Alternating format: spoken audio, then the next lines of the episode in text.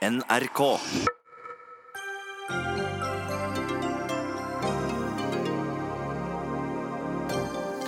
Håndhilse eller ikke håndhilse, ja det er spørsmålet. Lærervikar i Oslo klager inn sak til Diskrimineringsombudet fordi han ikke fikk forlenget vikariat etter å ha nektet å håndhilse på kvinnelige kolleger av religiøse grunner. De som forstår, møter de som ikke forstår til debatt i Dagsnytt 18.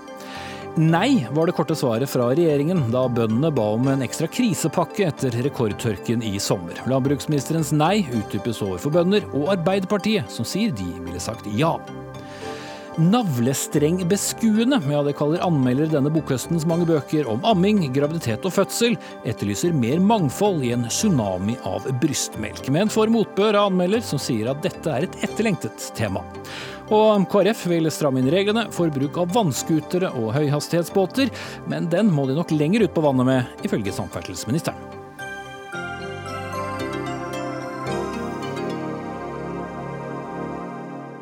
Da sier vi god kveld og velkommen til onsdagens Dagsnytt 18 med Espen Aas i studio, der vi også skal innom Storbritannias nylig avgåtte utenriksminister, som er i hardt vær for å ha sammenlignet burkakledde kvinner med brevåpninger og bankranere. Når kan arbeidsgiver med loven i hånd saklig si opp en ansatt eller velge dem bort under ansettelser fordi personen nekter å håndhilse på det motsatte kjønn? Dette spørsmålet kom på spissen for Ekeberg barneskole i år. Den ligger i Oslo, eh, der en mannlig muslimsk lærer gjorde det klart overfor skolen at han ikke kunne håndhilse med kvinner, men ble likevel ønsket velkommen i juni for å få arbeidserfaring. Da vikariatet nærmet seg slutten, fikk han beskjed om at han ikke var ønsket, med mindre han begynte å håndhilse på begge kjønn, kunne bl.a. Dagsavisen fortelle oss. Og Akhenaton Oddvar De Leon, daglig leder i Organisasjonen mot offentlig diskriminering. Dere har jobbet med flere lignende saker og har hjulpet denne læreren med å klage saken inn til Diskrimineringsombudet. Hvorfor er det galt arbeidsgiveren å forskjellsbehandle ansatte som nekter å håndhilse på motsatte kjønn? Fordi vi mener at uh, vedkommende har blitt sagt opp eller har ikke fått uh, fortsette jobben sin på usaklig grunnlag. Det å ikke håndhilse uh, er til ingen hinder i selve utføring av jobben. Dette her går på arbeidsmiljø og hvordan folk oppfatter den situasjonen. Og i det at man var klar over at vedkommende ikke håndhilste, at det var flere, at han jobber i det miljøet uten at han har fått noen klager, som han sier selv. Og plutselig, eh, nesten ved slutten av hele prosessen, så får han beskjed at han må håndhilse, eller så får han ikke jobb. Det er en veldig vanskelig situasjon, en tvangssituasjon, som jeg mener at de har ikke noe juridisk belegg for å gjøre. Mm. Ut fra det du vet, hvor, hvor utbredt er det å nekte å hilse på det motsatte kjønn i profesjonelle sammenhenger? Eh, det vet jeg ikke, men det er noen som uh, som ikke gjør det. Og dette gjelder ikke bare en ansettelsessituasjon, men vi har også opplevd at folk kommer til oss som sier at de har blitt nektet tjenester, yting, fra offentlig hold fordi man opplever de som kvinnediskriminerende når de ikke har håndhilser. Og jeg tror at det er der hele saken uh, på en måte, det er der det, det betenthet kommer inn. Ja, Hvordan da? Altså, Kvinner opplever det nesten automatisk som at, at du mangler respekt for kvinner. Og uh, i denne situasjonen så har vedkommende blitt fortalt at du faktisk hilser på en respektfull måte, men det er ikke å ta på folk fysisk. som med andre ord, man setter hånda si på hjertet og bøyer seg litt fremover. Det er en hilsning. Og da må vi også diskutere er det bare én måte å hilse på som gir respekt. Mm. Heidi Nordby Lunde, du er stortingsrepresentant for Høyre og skriver bl.a. på Facebook at det her er læreren som diskriminerer og ikke skolen. Det må du utdype. Ja, altså For meg så handler jo dette her noe mer om, eh, om, noe mer enn bare håndhilsing. fordi Han begrunner jo også det at eh, han ikke håndhilser med at han ikke skal skape fristelser for seg selv. Og Det mener jeg er at det er han som diskriminerer, ikke det motsatte. Det er ingen respekt i å tenke på kvinner som fristelser. Eh, og dessuten, hvis det er da fører det, hvis du er så svak at du ikke kan kontrollere deg, så skal ikke det være mitt problem. Da er det du som faktisk må lære deg å kontrollere dine følelser og dine lyster. Så da må det være din din frihet som blir begrenset, ikke min. Mm. Eh, men hva hvis en person har ja, tvangstanker som bakteriefobi og av den grunn ikke kan håndhilse? Eh, er det det samme, eller er det noe annet? Det er, nok, eh, det er nok, noe annet. Altså, nå har arbeidsgiver her gått eh, langt for å kunne prøve å tilpasse arbeidsplassen. Bl.a. ikke bare på håndhilsing, men f.eks. det å kunne eh, bære ut eh, poser med leverpostei til barna. Eller gi 90% eh, arbeidsstilling, sånn at han kunne be på fredager. Og da syns jeg at man faktisk har forsøkt å tilpasse seg til vedkommendes situasjon. Men det handler jo ikke om en oppsigelse, det handler om å ikke videreføre en kontrakt. Og så skal vi huske på at en lærer eller en barnehageassistent er noe mer enn bare den som utfører den faktiske lærergjerningen. De er også rollemodeller for barna våre. Og jeg syns det er helt riktig at skolen her eh, ikke viderefører kontrakten, for det handler faktisk om å sette noen grenser. Mm. Igjen så ser vi at man påpeker at en form for hilsning ikke sant, er ikke like godt akseptert som andre former. Så med andre ord, eh, vi får, hvis vi tar f.eks. high-fi, som alle gjør nå, Eh, du ser det gjort overalt. Før 1992, før president Bill Clinton gjorde det på et sånn kjempestor fotballkamp, da var det en gettoform for hilsning. Det var ikke sosialt akseptert. Så vi må også forstå at samfunnet er i utvikling. At slike ting, ting vil forandre seg hvis vi tillater å vise litt toleranse. Men jeg må bare rette på én ting her. Vedkommende ser ikke ned på kvinner, og vedkommende har full respekt for kvinner. Og dette her med list eller lystelse som hun nevner, det er noe han nevner fra han mener fra hellige skrifter. At, at han respekterer det som hellige skrifter sier, betyr ikke at han har lyst på alle han ser på. Det er en feiltolkning. Men det at eh, han henviser til hellige skrifter, eh, gir en eh, økt tyngde til argumentasjonen hans? Ut ifra en respekt for kvinner. Ok, Hanne Bjørsem, diskrimineringsombud. Dette havner jo da litt på ditt bord. da. Eh, er det saklig grunn å ikke forlenge en eh, kontrakt eller si opp for den sakens skyld dersom man nekter å hilse på kvinner? Altså bare aller først, Den havner på, nå i Diskrimineringsnemnda. Det er de som skal ta standpunktet. Så ombudet har ikke lenger enkeltsaken. Det jeg uttaler meg om er hvordan de rettslige rammene er. For jeg har et ansvar for det regelverket. Og så vil jeg også gjerne uttale meg om hva jeg mener om saken som sådan. Og jeg må jo si at jeg syns det er uheldig eh, at man har en religionsutøvelse som gjør at man eh, forskjellsbehandler i noen tilfeller kvinner og menn ved at man hilser på menn og hilser ikke på kvinner. Eh, og det kan være diskriminerende i noen tilfeller.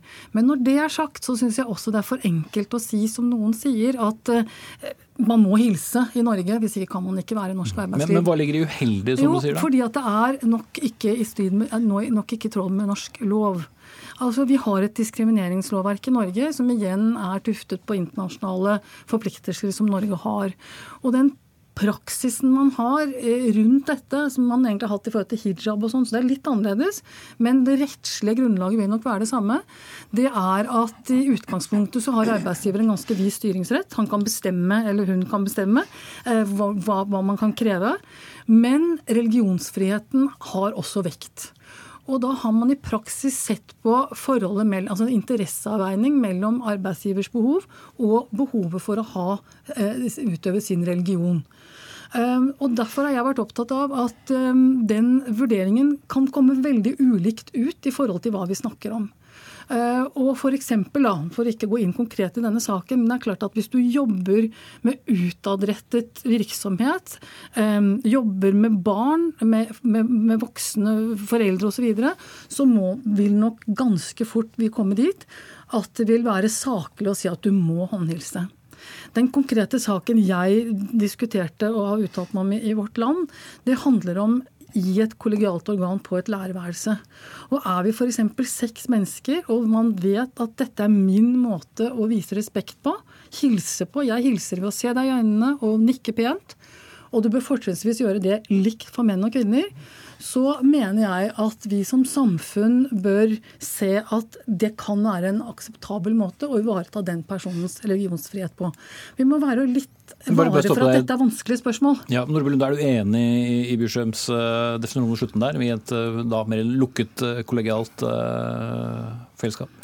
Ja, altså jeg mener jo at det er fullt mulig for arbeidsgivere å legge til rette for uh, både religionsutøvelse Men de må ikke gjøre det? De må, nei, absolutt ikke. Men jeg har et eksempel her fra NRK også, hvor uh, Fahad Qureshi fra Islam Nett skulle delta i debatten, og hvor han nektet å håndhilse på utenriks, uh, utenrikskomiteens leder Anniken Huitfeldt og forsvar, daværende forsvarsminister Ine Eriksen Søreide, fordi de var kvinner. Men det tok jo av enda en vending, fordi han nektet også å la seg TV-sminke av en kvinnelig sminkør. Nå er ikke han her Nei, og han ville heller ikke la seg, eh, la seg mygge opp på en mikrofon av en kvinnelig tekniker. Det setter betydelige eh, begrensninger også på kvinners deltakelse i arbeidslivet hvis man skal begynne å ta sånne hensyn. Og da mener jeg faktisk at det er helt riktig å sette noen grenser. Og jeg tenkte for meg selv at han skulle fått lov til å stått med svett panne uten lyd for å ta konsekvensen av sin men, egen men Vi må gå bort fra, fra, fra den historien nå. Men eh, Basim Goslan, du også her og er forstander i Rabita-moskeen i Oslo. Hvilken rolle hvis du kan hjelpe oss til å forstå her, spiller det i islam eventuelt om en person velger å hilse på det motsatte kjønn med håndtrykk? Nå finnes det eh, flere muslimske samfunn som har, som har dette som tradisjon.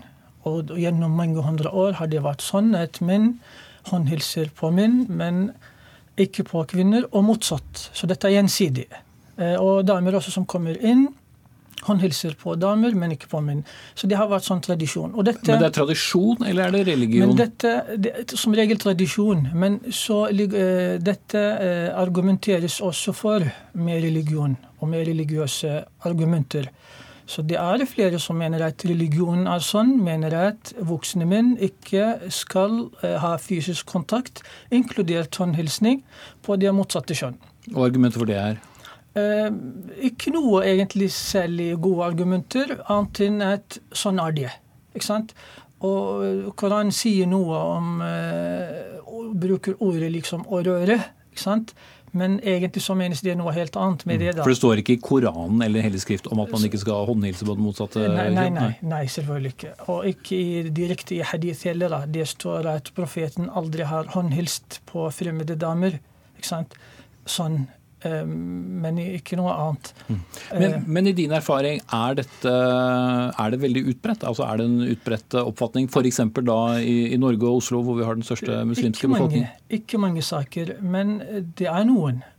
Og de få tilfellene som får veldig stor oppmerksomhet, og som kan av og til skape veldig pinlige situasjoner, uheldige konsekvenser, så kan de skape sånn debatt. Men jeg tror de aller fleste mennesker som har hatt kontakt med muslimer, de vet at de fleste muslimer håndhilser. Det er ikke noe problem. Mm. Og de fleste nordmenn, for det er jo det også mange vil reagere på. Hvorfor skal vi håndhilse annerledes? Ja, ja, men det er sant. Og dette er jo, det varierer fra kultur til kultur. ikke sant, og sånn. Og det måtte være litt takhøyde, litt toleranse for at vi har forskjellige ståsteder, forskjellige forståelser for ting. Det aller viktigste er som du sier, at vi viser respekt til hverandre. Min måte å vise respekt til deg f.eks. er å nikke ti ganger. Da må du akseptere sant, at jeg har respekt for deg. Jeg tror det, det, Dette er det viktigste. Men jeg også jeg mener tiden er en del av løsningen. De fleste som kom hit og mente i hvert fall at det, var, det er fortsatt strengt forbudt å håndhilse på det motsatte kjønn, har endret mening med, med tiden. Bare for eh, to-tre dager siden møtte jeg en venn av meg som også alltid mente at det var forbudt. Han har begynt ikke bare å håndhilse, men også gitt klem til sine kolleger fordi han begynte på en ny jobb. Han opplevde det som helt naturlig å akseptere å ta imot klem. Ikke sant? Eh, jeg tenkte det er stor utvikling. da, så det er det. Mm. Eh, jeg skal bare stille deg et eh, spørsmål, så skal jeg slippe til Dreon igjen. Men eh, hvis da noen spør deg i, i moskeen Jeg er lært opp til at jeg ikke skal, skal håndhilse. Jeg ser at det kan bli et problem i en, i en arbeidssituasjon. Hva sier du? Ne, altså jeg har skrevet en del om dette også på islam.no. Jeg har svart på sånne spørsmål åpent. Og jeg råder alle til å ikke gjøre dette som en sak. Håndhils, sier jeg, fordi det er tradisjon i Norge. Folk tilligger i det helt andre ting enn det du selv mener. Og du må tilpasse deg til det samfunnet som du kommer til. Og religiøst sett så mener jeg det er ikke stor sak, egentlig. Det er ikke sånn uh, veldig alvorlig sak. da, at man må liksom uh, stå for, for, stå for det. Mm. Men Leon, du har hatt uh, fingeren oppe noen ganger her nå. Er det, er det en viktig prinsipiell sak, syns du? Det er en viktig sak fordi vi må få en klarering mellom hva er loven, og hva er mine personlige følelser, og hvordan jeg oppfatter forskjellige situasjoner. Og uh, hvis, hvis, hvis arbeidsgiveren hadde tatt alle sammen sammen, og fra første dag og sagt at her har vi vedkommende som ikke håndhilser, la oss høre hvorfor han gjør ikke det. La oss diskutere dette her oss imellom og komme til en enighet og forståelse for hvordan han gjør dette her. Kanskje jeg liker, jeg liker ikke hans forklaring, mm -hmm. men poenget er at det er her vi har dialog og megling. Fordi mitt spørsmål er, med den um, fatwa-erklæringen som Raymond Johansen kom med i går om håndhilsning, Vil det si at alle nå som ikke håndhilser ja, Jeg opplever det som en fatwa-erklæring, at man må håndhilse. Eh, poenget er at er det slik å forstå at alle som ikke håndhilser nå, må bare gå fra jobben sin? At de vil miste jobbene sine? Og Nav vil heller ikke gi dem stønad. Så hva skjer med disse mm. menneskene? Vi har hatt en lignende sak apropos det med, med, Nav, hvor det var en adventist eh, tilbake vel i, i 2011 som heller ikke fikk eh, dagpenger fordi han avslo å jobbe fordi de, han måtte da jobbe på en lørdag, som var imot hans, uh, hans religion. Raymond Johansen spurte vi om kunne komme, det kunne ikke han. Men Heidi Nordby Lunde, som politiker og fra Oslo, du kan kanskje svare på noen av spørsmålene til De Leon der? Jo, men det, er, eh, det, med Nav stemmer jo. Å nekte å ta arbeid pga. tro kvalifiserer ikke til støtte fra Nav, og du får ta konsekvensen av dine egne valg. Og Vi har jo sett eksempler i det offentlige på andre eh, hendelser også. En som stoppet taxien på vei ut til Gardermoen for å be slik at passasjeren mistet eh, flyet sitt. Da burde han latt være å ta den turen, og ikke tjent de pengene. Men bare for å ikke gjøre dette kun til en debatt om islam, men å vise også at Norge i andre eh, settinger også har eh, Som eksempelet fra 2011? Ja, ja, så, ja, har tilpasset seg. Er jo Eh, vi hadde en lang og flammende debatt om reservasjonsrett for leger, hvor det i hovedsak var kristne leger som ikke ønsket å henvise til abort. Jeg var en av de som mente at hvis du er på offentlig lønn og har en, eh, eh, en sekk med plikter som du skal utføre, og nekter å utføre dem, så burde du kunne sparkes. Men dette ble løst ved at man tok vekk henvisningsplikten, slik at kvinner ikke lenger trenger en henvisning fra, fra fastlegen. Så det handler jo om at vi klarer å finne gode løsninger hvis vi vil. Spørsmålet er jo hvor vi skal sette grensene. Og her mener jeg grensen ble satt på et riktig sted for å sende et signal om at denne jobben er noe mer enn å bare lære bort. Du er også et forbilde. Og jeg vil ikke at barna på skolen skal lære at det er helt greit å ikke kunne håndhilse på kvinner. Selv om det kanskje ikke blir gjort på lovlig vis. Hanne Wiersum, nettopp denne streken som man skal forsøke å tegne her, den er jo vanskelig hvis man på én side skal snakke om at eh, jo, hvis dere klarer å finne en lokal løsning, eh, så er det ja, bra. Altså, men det forteller jo bare hvordan altså, man løser en arbeidsplass. det er det som er utfordringen her. ikke sant? Det er at norske Stortinget har vedtatt en diskrimineringslovgivning som både Eh, opphøyer kjønnsdiskriminering, men også religionsfriheten i tillegg til andre ting. Og hvis man ønsker å være helt klar med en strek at sånn er det, og man gjør ingen skjønnsmessig vurdering utover det, så tror jeg at man må ha en lovendring. Og det får man i så fall gjøre. Det ligger en ganske stort skjønn i nasjonal eh, fra FNs ulike konvensjoner på det. Men før man gjør det, så er jeg opptatt av at man må forholde seg til det regelverket Stortinget selv har vedtatt, og det fordrer en, en, nok en konkret vurdering. Så tror jeg ganske sikkert, uten at jeg skal si det, at nemnda vil nok kanskje komme ned på det samme resultatet som vi hører her. Eh, men, men, men At han ikke skulle fått forlenget? At, han, at, at, det kan være problematisk å ha kontakt med barn eh, på denne måten hvis man man ikke gjør det. Men jeg kan komme med eksempler på arbeidsplass tror jeg, hvor det vil ikke være veldig problematisk at jeg har en annen måte å vise respekt på. Og, og jeg er glad for at jeg hører at, at eh, Men kanskje er det behov for Lunde, å prinsipifisere, da? At, at, du sier også at det er mange Vi, vi bør, vi skal jo ikke gjøre dette vanskeligere enn det det er. Og jeg, jeg skrev veldig ned tiden er en del av løsningen, sier du, ikke sant? Og det er klart at hvis vi får menn i arbeid i Norge, og vi får dem etter hvert til å akseptere rammene rundt det, så er det kanskje den beste måten å få bukt på en kultur som jeg også er enig er veldig uheldig.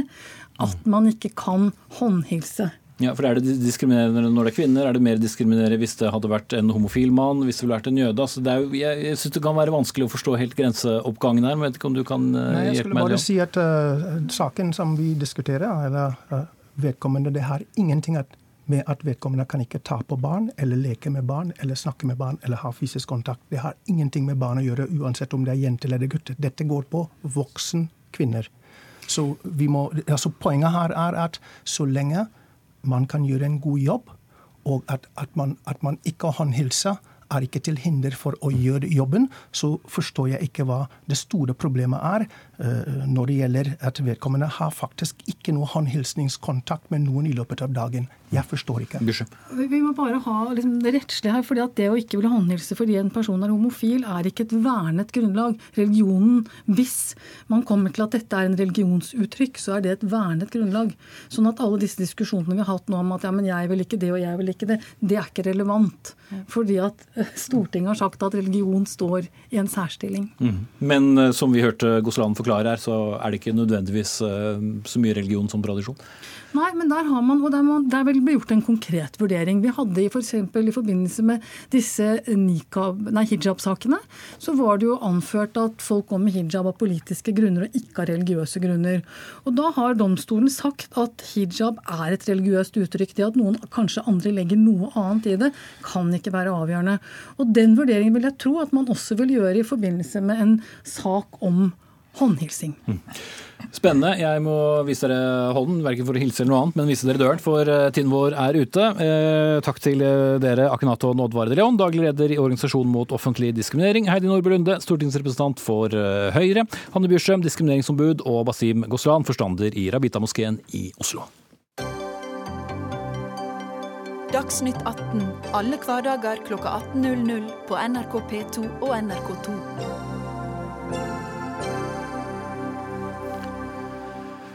Selv den eh, mest eh, sommerslappe publikummer av Dagsnytt 18 har vel fått med seg at været har blitt diskutert mer enn én en gang, eh, og ikke minst pga. problemene som det har voldet landbruket.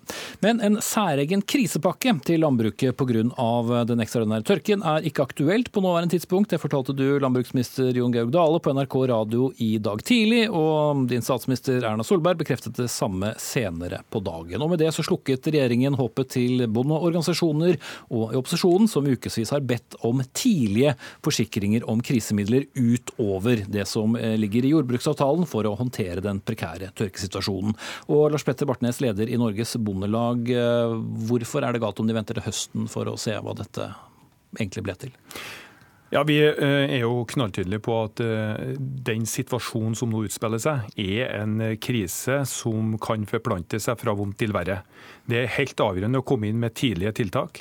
Det er en krisesituasjon som er av samfunnsmessig vesentlig karakter når norsk matproduksjon eh, for det første blir ramma eh, for inneværende år, men vi kan også risikere at krisa eskalerer eh, til et større omfang for de kommende åra hvis det slaktes ned for mange dyr. Det er jo nettopp derfor det er nødvendig å få en klar beskjed fra regjeringa at man ønsker å gå inn i krisa og gjøre tiltak. så at Eh, det ikke eskalerer. Men Videre så vet vi jo allerede i dag at omfanget av krisa er stor. Eh, eh, volumet med matkorn blir ramma. Grønnsaksproduksjon er ramma. Og vi vet at det slaktes betydelig mer dyr nå enn det normalt skulle ha vært gjort. Det skjedde i juni. Det er 5000 storfe mer i juli, og det vil eskalere framover. Vi frykter jo at antall mordyr på sau melkeku og ammeku vil gå såpass mye ned at det vil få en varig produksjonsnedgang av norsk eh, kjøtt eh, framover. Mm. Så vet jo alle som har fulgt med, med på landbruk at uh, den er veldig væravhengig, væravhengig, uansett om det regner for mye eller for lite. I hvor stor grad mener du at dere burde ha forsikringer klare på forhånd ved eventuelle ekstraordinære år eller uår som i år?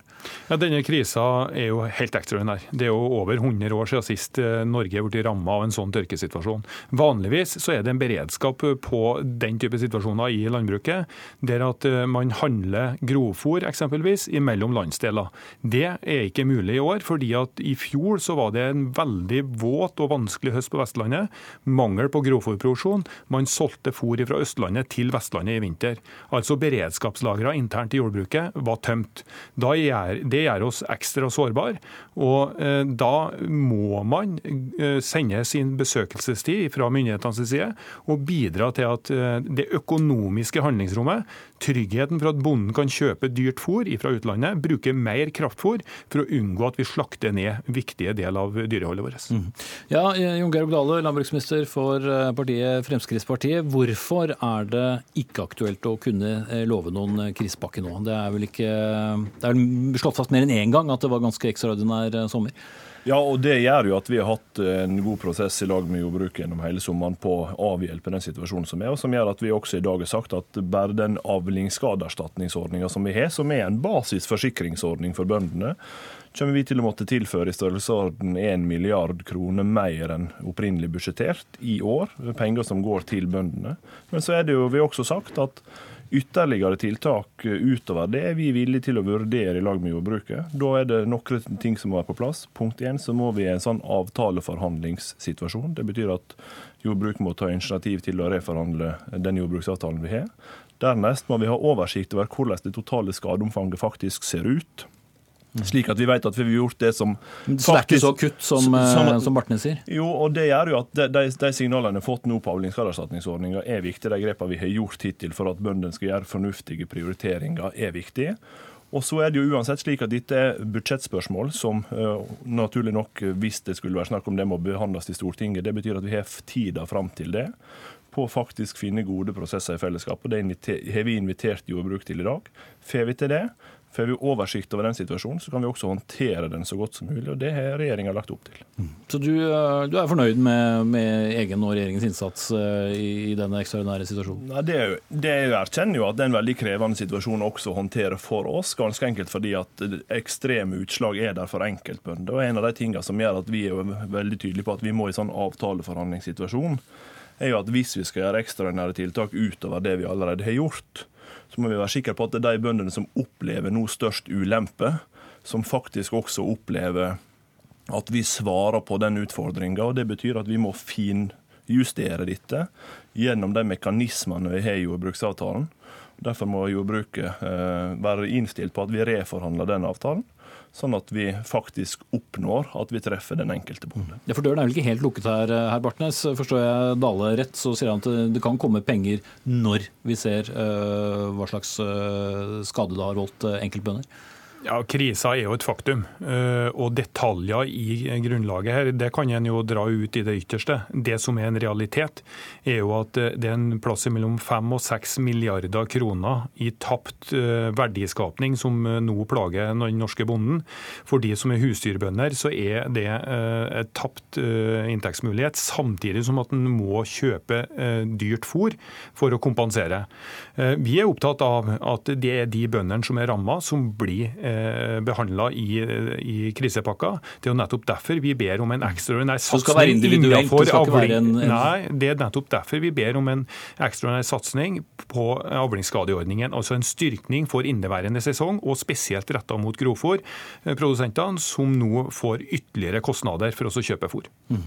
Eh, vi har jo vært innom dette studio eh, med andre landbruksdebatter, bl.a. hvor eh, tøft det er å drive kjøttproduksjon i, i Norge. Kan det være at man ville kunne komme bedre ut av det med en erstatningsordning fremfor å måtte selge kjøtt uh, i den situasjonen? Ja, Vi er jo der at uh, vi ber om en forsterkning av ordningen for å unngå at bønder må gå til det tiltaket og så selge og så slakte ned dyretallet sitt for å så treffe det vinterfòrlageret som man har. Nettopp derfor så er det å styrke denne avlingsskadeordningen som er medisin. Og jeg mener jo at det må settes i en sammenheng at norsk landbruk er en vesentlig del av et større næringsliv. Ringvirkningene i forhold til sysselsatte i industrien, i servicevirksomhetene mot landbruket og ikke minst i anleggsbransjen kan bli sterkt rammet av denne krisesituasjonen. Så Det er et omfang av denne krisa som vi naturligvis ikke ser fullt og helt ennå. Mm.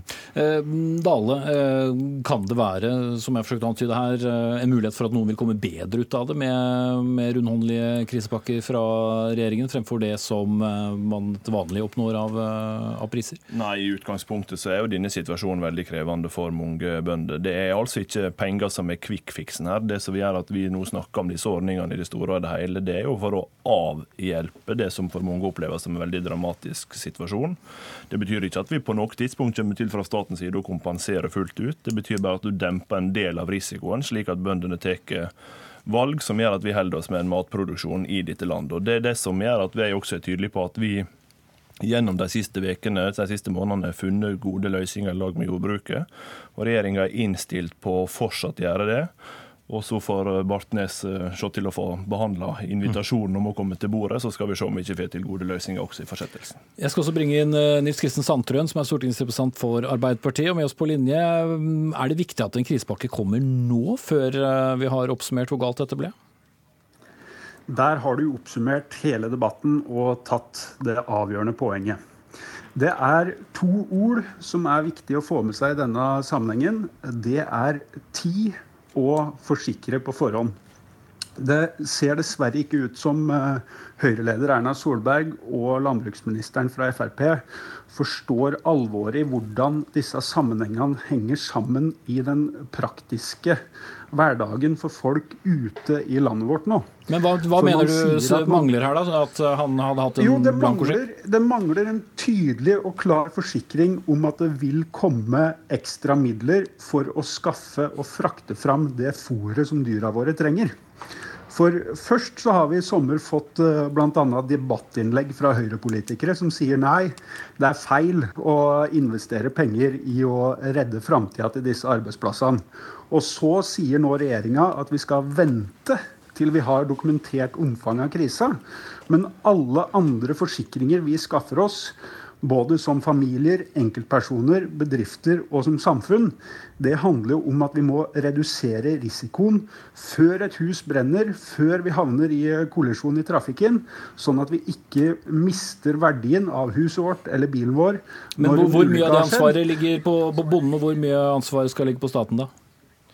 Nei, det ligger på oss som samfunn i fellesskap. For Arbeiderpartiet så er det helt tydelig at den type problemer og krisesituasjoner som vi nå opplever, det må vi ta et felles ansvar for og sørge for å håndtere, sånn at det fortsatt er muligheter for å jobbe og bo i alle deler av landet vårt, og at vi har en trygghet for sikker mat av topp kvalitet i åra som kommer. Ja, altså Det forsikringsdiskusjonen som Arbeiderpartiet forsøker å anspore, det er det som ligger i avlingsskadeerstatningsordninga. Det er derfor vi varsler nå at vi kommer til å måtte tilleggsbevilge i størrelsesorden 1 milliard kroner ekstra på den.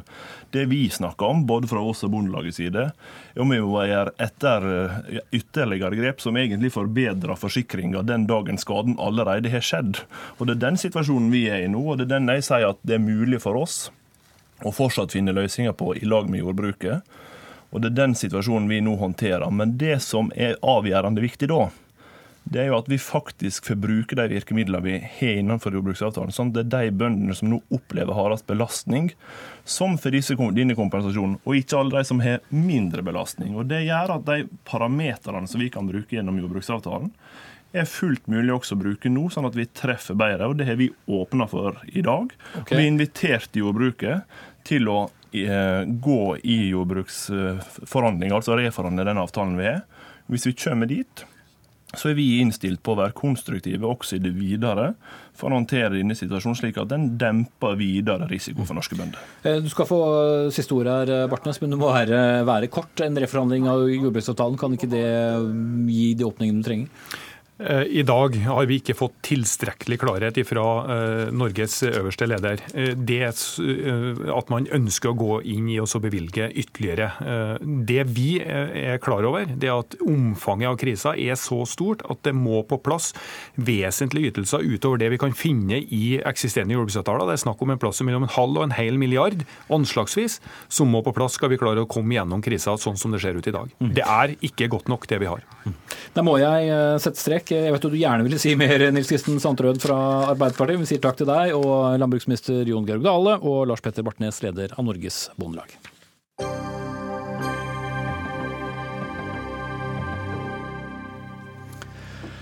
Tidligere utenriksminister, også tidligere London-borgermester Boris Johnson har skapt storm på hjemmebane da han nylig sammenlignet burkakledde kvinner med brevluker og bankranere i et intervju med avisen Daily Telegraph.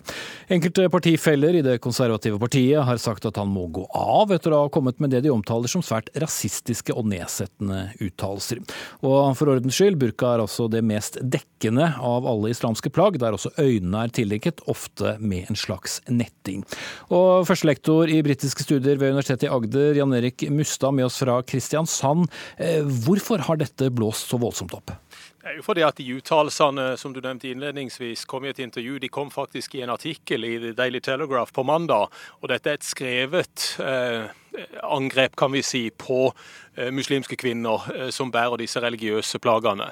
Så Det er nok det det er sett som, at dette her er med å, eh, kaster litt bensin på dette bålet med multikulturalismen Storbritannia, og at dette er farlige uttalelser i et samfunn hvor det multikulturelle har både vært problematisk, men også har vært stor suksess, vil jeg si, i løpet av de siste 50 årene. Så, så dette er uttalelser som Boris Johnson nok har kommet med med vilje i denne artikkelen, og står for, og har da til nå ikke ønska å unnskylde noen av disse uttalelsene. Mm. For, for, mange så er jo dette det vi trygt kan kalle veldig uvanlige og svært upolitisk korrekte uttalelser. Ja, og hvis vi kjenner Boris Johnson som du og meg gjør, men kanskje ikke det norske folk i like stor grad, så er Boris Johnson en politiker som veldig ofte går mot strømmen. Han skyter ofte fra hofta. Han er uforutsigbar. Og eh, Under eh, David Camerons eh, periode som statsminister så var jo alle redd for hva Boris Johnson skulle si på de konservative partiets landsmøter. Fordi at han, han, han rett og slett kom med så mye rare uttalelser at folk bare rista på hodet. Mm. Men i denne sammenhengen her så er det klart at alle de reaksjonene som er kommet, både fra partifeller som mener at hvis han ikke unnskylder dette, så bør han utvises fra partiet. Det er en tidligere Eh, medlem av Overhuset fra det konservative partiet, Baroness Warsey, som, som, sa i dag i The Guardian at uh, dette her har han gjort med fullt overlegg fordi at han ønsker å posisjonere seg i en fremtidig lederkamp i det konservative partiet, og dermed med sånne uttalelser tiltrekke seg støtte fra det konservative Høyre, uh, altså høyrefløyen i det konservative partiet. Så at dette her er, er, er skrevet med fullt overlegg. Uh, men han ønsker ikke foreløpig å unnskylde noe av dette, selv ikke etter press fra Teresa May. Nå skal det sies at uh, i, i, løpet av de siste brexit-ukene i det britiske parlamentet, så er nok ikke Boris Johnson så veldig godt på talefot med Teresa May akkurat for øyeblikket. Så vi får se hva som skjer. Ja, fordi uh, historikken er altså at han gikk jo nylig av som uh, utenriksminister fordi han var uenig i hennes brexit-strategi, eller strategien for å bryte med EU, mm. og, og, så kommer dette. Skader det han i noen særlig grad? Han får i hvert fall eh, voldsomt mye oppmerksomhet til nå å være et menig parlamentsmedlem igjen. Ja, og dette er også typisk Boris Johnson, at eh, det går begge veier. Eh, det skader på den ene sida, men kanskje gagner det han rundt neste sving, fordi at han trenger støtte fra denne høyrefløyen i partiet, for kanskje å posisjonere seg inn mot en fremtidig lederkamp i partiet. Men på kort sikt så er det klart at dette er veldig skadelig. Eh, både i forhold til alle de muslimene som er medlem av det konservative partiet, alle muslimene i Storbritannia som da er kvinner og som føler seg krenket av eh, disse skriveriene. Eh, så det er jo åpenbart at på kort sikt så er dette veldig skadende. Også for ryktet til det konservative partiet. Og det er jo derfor så mange partikolleger har gått ut og fordømt disse ordene fra Boris Johnson. Mm. Eh, hvis vi ser på dette med religiøse minoriteter, Jan Erik Mustad, så pågår det også en, eh, en krangel innad i det britiske arbeiderpartiet, Labour. Mm. Det handler da om antisemittisme og hvorvidt det partiet har, en, eh, har, et problem når det gjelder den jødiske eh, delen av, av Storbritannia, og for så vidt jøder generelt. Mm. Er det for vanskelig å egentlig snakke om disse tingene i britisk politikk?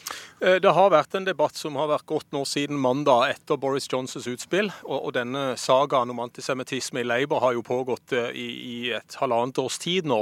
Eh, så den krangelen for å si det sånn, i offentligheten har pågått litt lenger enn, akkurat denne eh, islamdebatten i det konservative partiet. Men, men, en står jo her og vipper, for på den ene sida så sier de som støtter Boris Johnson at det må være lov å snakke om disse tingene. Men det må ikke være lov å snakke om disse tingene på nedsettende vis, sånn som Boris Johnson har gjort her. Så man kan si at ytringsfriheten går så så langt som dere var inne på i, i en tidligere eh, sak her i Dagsnytt 18 i dag, så, så er det visse eh, regler og retningslinjer for hvor langt man kan gå i forhold til krenkelse eh, av eh, religiøse plagg, som det var i denne sammenhengen her. Så, så, det er klart, her har jo debatten gått siden mandag i forhold til islamofobi i det konservative partiet. Er det konservative partiet islamofomt? Er Labour mot jøder? Har vi sett denne antisemittismen lenger tilbake i historien enn det siste halvannet års tid også. Så, så det er klart det, det, er en vanskelig debatt å ta dette her. Men det går iallfall an å ta det på, på, en litt annen måte og i et litt annet språk enn det Boris Johnson presenterte i sin artikkel i The Daily Telegraph på mandag. Ja, for eh, brevluker og, og bankranere var jo kanskje ikke de mest diplomatiske ordene man hadde ventet fra en eh, tidligere utenriksminister? Nei, det er jo sånn at en rister på hodet og så tenker en typisk Boris Johnson. Går det an å si noe sånt? Og så har du da også de som støtter han i dette og mener at det er viktig å sette ord på det man faktisk føler om disse hodeplagene. Men så gjøres det da på en, en sånn måte at selvfølgelig, heldigvis må en si, majoriteten i partiet og i den britiske offentligheten, også blant muslimer, reagerer med å si at det er ikke sånn type ordbruk vi skal ha for å kunne diskutere dette åpent og riktig i politiske kretser.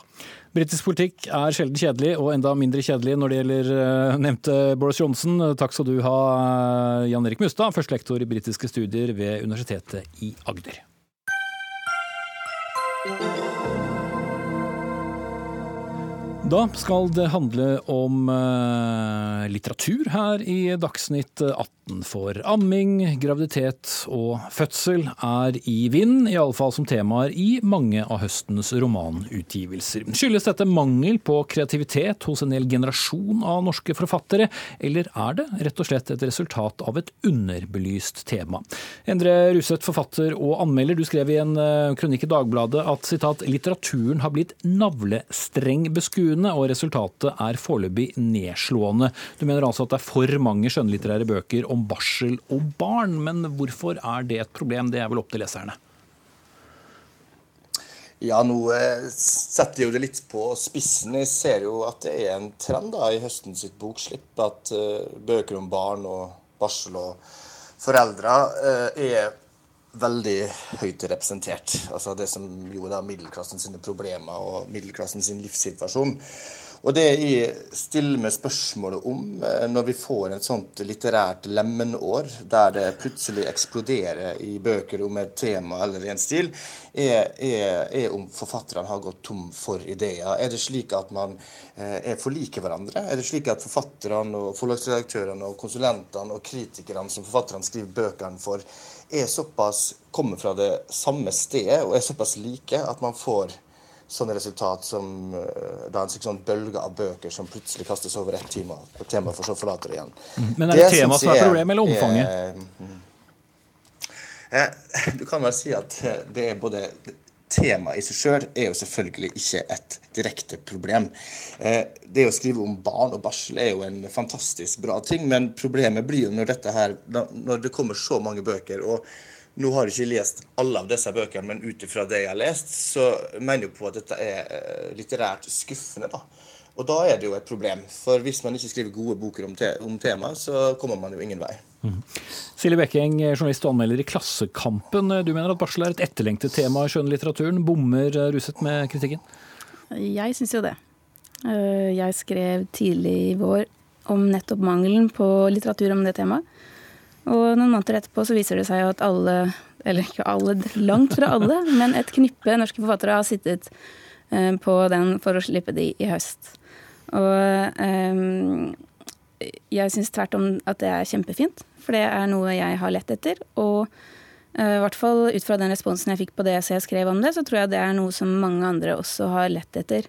Og jeg uh, syns det er litt merkelig at uh, barsel og småbarn betegnes som middelklasseproblematikk. For jeg tenker at man får faktisk barn i alle klasselag. Ja, Russet, er det, er det få barn og, og barseltiden en typisk middelklasseting? Nei, nå har jeg jo lest Silje sin sitt essay om uh, dette temaet som kom tidligere i vår, som for øvrig er et eh, meget, meget velskrevet essay. Eh, det jeg mener er at Når bøkene kommer fra det samme stedet, når de ligner hverandre litterært i stil, og når de ikke greier å uttrykke noe som jeg føler er originalt i forhold til det temaet, så syns jeg det er så synes jeg det er skuffende. Jeg syns det er nedslående. Og det som jo har forbløffa meg da, eh, i, i møte med, med, med, noen av disse bøkene. Nå, nå trekker jeg fram to eksempel i artikkelen min. Og det er jo to av de fremste i sin generasjon, nemlig Mikkel Bugge og Kjersti Skomsvold, som begge skriver om, om barsel i, på, i hver av sine bøker. Så er det jo, er det jo eh, forbløffende sementert formspråket. Hvor forbløffende uh, lite som setter himmel og jord i bevegelse i det litterære tilnærminga til et tema, når jo dette ifølge forfatterne da er noe som setter himmel og jord i bevegelse. Hva, hva ville satt himmel og jord i bevegelse for din del med, med, dette temaet? Du er innom noen mannlige forfattere, deriblant Knausgård i, i kronikken din også? Altså, jeg har jo nevnt noen uh, artikler. Nå, nå, er jo for så vidt uh, Silje Beking og vi enige om at uh, altså, for ni år siden så kom det ut en diktsamling som, som handla om, om, det å få barn. og Det var 'Småbarnsforeldre' av Katrine Grøndal. Og det er jo skrevet mange gode bøker om barn og om småbarnstilværelsen i Norge opp gjennom årene. Jeg kan nevne mange eksempler på det, og jeg tror at det kommer til å bli skrevet mange gode bøker om det. Men det jeg reagerer på her, er jo det her, den plutselige eksplosjonen, der man får et, et, et, et, vanvittig antall av bøker som alle handler om det samme. Og for meg så handler jo det litt, litt også om at forfatterne går litt for mye i flokk. Eh, vi, vi, vi, det, det, er et eksempel på at man kanskje har slutta å tenke litt originalt og individuelt som forfatter. Man følger etter hverandre, og man greier ikke å skape unik litteratur ut av å behandle de samme temaene samtidig. Ja, hva mener du om det, Becking? Er samtidslitteraturen blir litt uh, vel ensporet hvis uh, gleden over å, å skrive om, uh, om, fødsel og barsel er så stor som, som det antydes av uh, Rusetær? Altså det at det kommer fem eller seks bøker om det temaet denne høsten, det er jo ingenting i forhold til de mengden av bøker som finnes om parforhold, om mord, om menn som står og hogger øks i, med øks i skogen, den type ting. Og det er likevel ingen som klager på det. Og jeg syns det er ehm, Jeg kan nok være enig i at det er eh, man ønsker seg mer risiko osv. i samtidslitteraturen. Men jeg, jeg syns det er rart at du velger akkurat de, akkurat de få bøkene som har kommet på dette så underbelyste temaet. Uh, hvorfor ikke Altså, det er, det er, ikke dette temaet som oversvømmer og ødelegger litteraturen. Og jeg, uh, med respekt å melde, så er det litt fare for å da havne i en litt lei tradisjon der um, menn roper opp om at de har hørt altfor mye når de får høre om et par kvinneskjebner, og spesielt om uh, kvinnekropp. Huset. Ja, det, man stiller jo ikke akkurat Man stiller seg laglig til for Hogda da man som middelaldrende barnløs mann går til angrep på eh, bøker som handler om temaet om det å, å, få barn. Og, Kunne det være at ikke du var så interessert selv? Nei, for jeg mener at uh, nettopp det er det. At en bok må kunne gripe inn i menneskers virkelighet. Altså man, man, er det sånn at man må ha barn sjøl for å kunne verdsette de litterære kvalitetene i en bok som handler om barn? Når det kommer til det med menn som eh, argumenterer mot kvinnelige forfattere, jo da det Man må kunne få lov til å kritisere eh, et verk eh, uten at man det blir direkte trukket inn liksom, den, den mannen sitt eh, altså At det er mann og alt det der. Men har ikke Beking et poeng i at det jo er ikke altså Det har vel skjedd eh, mer enn én en gang at mange skriver om det samme temaet, særlig eh, altså, kjærlighet, parforhold. Hvorfor, hvorfor, var det dette som fikk det til å bikke over? Nei, altså Nå har jeg jo debutert sjøl som forfatter for 17-18 år siden og har fulgt norsk samtidslitteratur og min egen generasjon ganske nøye. Og jeg tror kanskje det kom til et punkt at liksom det brast litt for meg. Eh, der jeg liksom gikk opp for meg hvor, hvor unike vi føler oss som forfattere i Norge i dag. Og, eh, og hvor like bøker mange av oss skriver. Og hvor eh, eh vi hele tida påpeker at det vi gir ut, det er liksom det, det, det er liksom vårt unike. Men så, så, ser man rundt seg, så ser man at de, mange av dem, veldig mange av de andre skriver mye om det samme. Eh, og da begynner jeg å tenke sånn, Kanskje er det på tide at vi kan løfte den litterære debatten fra eh, hyggepraten på litteraturfestivaler og den koselige Facebook-klappen på skuldra, til å faktisk diskutere verkene og trendene i litteraturen, og gi oss sjøl muligheten til å faktisk få omsorg for litteraturen igjen. Ikke om, omsorg for hverandre som forfatterkollega. Mm. da, da, vil jeg gjerne gå over til Så, så, så, så, barsel, barsel ja, mm, sorry. Silje Bekeng, eh, vi må runde her, eh, her straks. men eh, vil du gjerne se enda flere bøker om, om temaet også neste år, eller tenker du også at det kan være en viss metning av, eh, av markedet her? Jeg ser gjerne flere. Jeg tror at det er et tema som har politiske og eksistensielle dimensjoner. Og det er selvsagt opp til forfatterne å løfte fram det. Men det har jeg lyst til å lese mer om. Mm. Og det gir et viktig og riktig bilde av, av samtiden? De bøkene?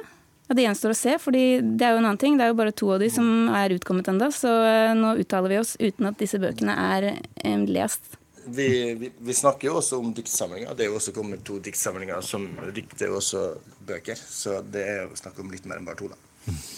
Da eh, tror jeg vi sier at vi har eh, strukket eh, navlestrengen langt nok i, i denne omgang. Takk, takk til Endre Ruseth, forfatter og anmelder, og Silje Brekeng, journalist og anmelder i Klassekampen. Hør Dagsnytt 18 når du vil. Radio NRK Radio.nrk.no.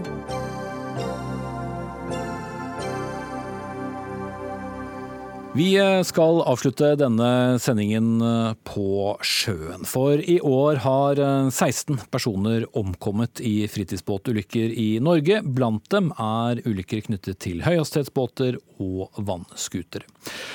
Dersom du skal eh, kjøre f.eks. en vannskuter, trenger du ikke et eget sertifikat, og det er heller ingen aldersgrense. Nå tas det til orde for å stramme opp regelverket for bruk av vannskutere, og vi kan også ta med at to personer har omkommet i nettopp vannskuterulykker bare denne sommeren. Det ene dødsfallet har vært mye omtalt, men er ikke gjenstand i denne eh, diskusjonen. Eh, Olaug Bollestad, mens eh, samferdselsminister Ketil Solvik-Olsen får igjen pusten og tørker svetten, så skal jeg eh, si til deg du vil stramme inn regelverket for nettopp denne vannskuterbruken og høyhastighetsbåter. Hva er det du mener vi trenger en endring på? Vi trenger en eller annen form for ferdighetstrening som gir seg utslag i eh, en sertifisering for at de er i stand til å kjøre så store fartøyer. Eh, når vi er på land og skal ha en motorsykkel, så må en faktisk være 24 år. En skal ha teori, og en skal faktisk i tillegg ha ferdighetstrening. Men på sjøen når vi vet at flere og flere eh, er på sjøen, så har vi ingen av de kravene. Og jeg tenker at det henger sammen med noe av ulykkesstatistikken. Og eh, når vi da hører at både politi, at Redningsselskapet, at motorførerne sjøl som er på sjø, sier at dette er en utfordring, så tenker jeg vi er nødt for å se på hvordan kan vi sikre ferdighetstrening som munner ut i en eller annen form for sertifisering. Fordi dette er høy energi. Flytter du en skut, vannskuter eller en ribb fort, så er det snakk om høy energi. Og Selv har jeg jo erfaringer fra å jobbe i et akuttmottak og vet at det, høy energi over en viss kilometer i timen skaper store indre skader. Så det er, ikke, det er ikke bare det at du kan kjøre og treffe et nes eller en, en stein, eller dette, men det handler jo òg om trykkskader som er så store. Og Derfor så mener jeg at vi må ta det inn over oss. Eh, og gjør noe med det. Ok. Eh, nyinnløpt eh, samferdselsminister Ketil Solvik-Olsen fra Fremskrittspartiet. Det var jo din regjering som eh, legaliserte den da kontroversielle vannskuteren i, mm. i 2013. Er det på tide å stramme opp regelverket nå etter å ha hatt de somrene vi har hatt med det, eller har brukerne vist at dette håndterer de fint?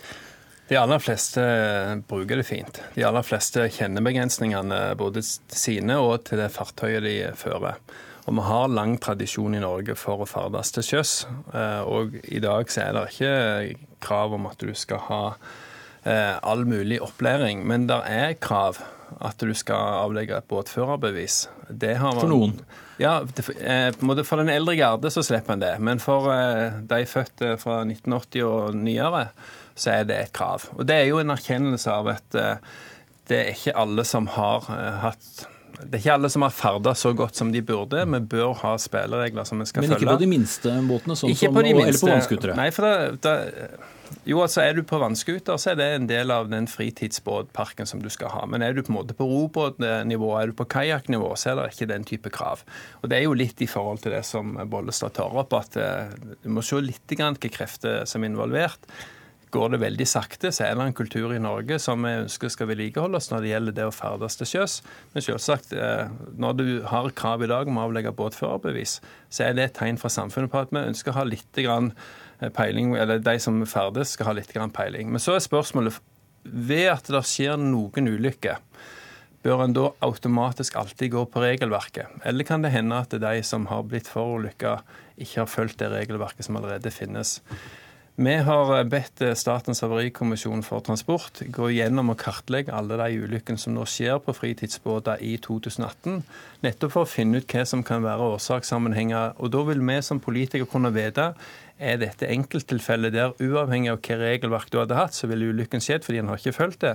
Eller er det ting vi kan gjøre på opplæring, opplæring på prøvetaking eller rett og slett på regelverk og fartsgrense som eh, må justeres på. Men da Bortsett fra lengde på vannskuter og kraften på motor, så er det jo ikke så mange regler da på, på vannskuterbruk. Er, er det godt nok? Altså, du skal, altså på, Vannskuter er jo underlagt de samme reglene som andre fritidsbåter. Og det er fartsgrenser for hvor raskt du kan ferdes når du er nærme land. Du skal vise hensyn og respekt overfor andre som ferdes til sjøs. Men, men, vet du det på forhånd? Jo, men altså, Det er jo noe av forutsetningen. Det er jo derfor du bl.a. skal avlegge båtførerprøve. Og vi må jo òg forvente at de som ikke har avlagt den, forstår hvilke regler som gjelder når de er ute og ferdes. Sånn at det at noen nå går på seg fordi at vannskuter er noe de ikke liker, så skal de med gang regulere det strengt, men du ikke pålegger andre fritidsbåter de samme reglene. Den form for diskriminering vil ikke jeg være med på. Men, men det, er ikke, det, er jo ikke, det vi egentlig sier. Vi sier jo både vannskuter, ribber, de som har stor fart. Fordi at en har stor erfaring med å være på sjøen i Norge.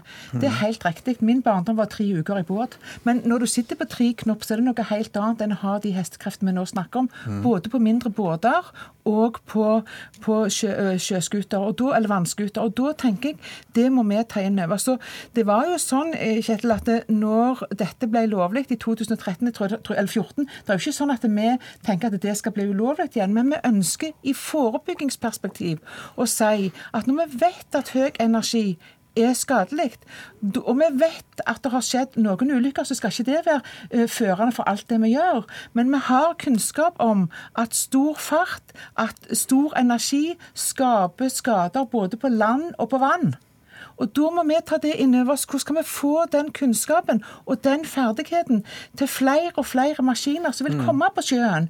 Fordi Vi kan ikke bare si at vi har lang erfaring på sjøen. Vi må faktisk gi folk eh, ferdigheter til å håndtere de redskapene de faktisk skal ha på sjøen. Og Mange av disse er unge. Når de skal ferdes på land, så sier vi 24 år. De kan ha så mange sertifikater de vil, men de må faktisk både ta teori og praksis. Her slipper han det. En har et båtførerbevis uten ferdigheter. Og det tenker jeg, det er ikke godt nok med så store maskiner. Kulsen, hvorfor er det godt nok? Nei, det er jo det vi nå sier at når, når vi får den sammenstillingen fra Havarikommisjonen, så vil jo vi kunne vurdere om de ulykkene som har skjedd, skyldes ting som vi kunne endre på i regelverket, eller om det er ting der en har brutt regelverket. På samme måten som eh, at en vet at mange av de ulykkene som skjer på veien, skyldes jo at en kjører rusa, en kjører for fort i forhold til fartsgrensen, en har ikke på belte. Altså en bryter regler som har dødelig utfall. Og jeg er av den type politikere som ikke tror at vi alltid skal regulere oss ut av at det skjer ulykker, fordi at av og til er reglene gode, det er bare at folk følger det ikke. Men hvis det er sånn at regler men. Men, jo, jo men, ja. men, der er det en helt annen uh, måte ferdselssituasjon. Uh, vann er annerledes enn å, å, kjøre på vei. Men det er der vi sier at hvis Statens havarikommisjon Hvordan er det annerledes, forresten? Det er vel Fart dreper vel like mye til vann mm. som uh, på land? Jo, men for det er en helt annen trafikktetthet, en helt annen eh, kjøretøypark og lignende. sant? Men det har vært ganske tett eh, denne sommeren. Jo, men, men, men hvis en har den logikken, så burde en jo nærmest sagt at du skal ha et båtførerprøve sjøl på, på, på, de små snekkene, fordi at du er i en eh, blanda trafikkbilde. Men det jeg sier, jeg tror ikke nødvendigvis alltid at mer regulering løser alle problem. Men det er derfor vi òg sier at vi skal se på det som kommer fra Statens havarikommisjon. Det vil gi oss et mye bedre bilde på om det er mer informasjon i båtførerprøven som ligger til grunn, om en bør gå til det skritt og si at eh, kjøretøy eller fartøy over en viss antall hestekreft eller en viss antall knops eh, teknisk mulighet, at der bør du ha uh, førerbevis eller lignende. Men mm. de ulykkene som har skjedd, har skjedd innenfor området der det har vært lave fartsgrenser, men som man ikke har respektert. Og Dermed er det ikke alltid strenge regler som gjelder når man ikke har respektert dem. Folk dør jo på veiene uansett vi, hvor mye kursing vi har i teori og praksis, Bolsa, og særlig kanskje på de store bilene og de raske motorsyklene. Ja, og det er helt riktig. Sånn at holdningsskapende arbeid må òg inn. Det er jo ikke jeg uenig i. Og jeg syns det er flott at Havarikommisjonen skal se på de ulykkene som har vært. Men vi må òg ta inn over oss at det er flere og flere som har kjøpt seg båter, som har kjøpt seg vannskutere, og at det gjør at ferdselen på sjøen har vært større. Og da tenker jeg vi må tenke i et forebyggingsperspektiv og lære av det som har vært gjort. Men ikke bare av ulykken, men hvordan kan vi forebygge at folk blir skada i stor fart? For det får store konsekvenser. Men er ikke det holdningskampanjer ikke nødvendigvis mer restriksjoner? Det handler jo òg om ferdighet. Eh, krever vi ferdighet på en motorsykkel, så kan vi jammen kreve ferdighet òg på en sjøsku, eller vannskuter som har så stor eh, fart og så, så, mye krefter som den har, for å redde seg sjøl, men òg for å skape trygghet for andre rundt den. Mm. Ola Bolstad og Kjell Solvik-Olsen, vi må klappe denne sendingen til kai. Vi Ansvarlig for den var Ida Tune Ørestrand, teknisk ansvarlig Frode Thorshaug, og her i studio Espen Aas.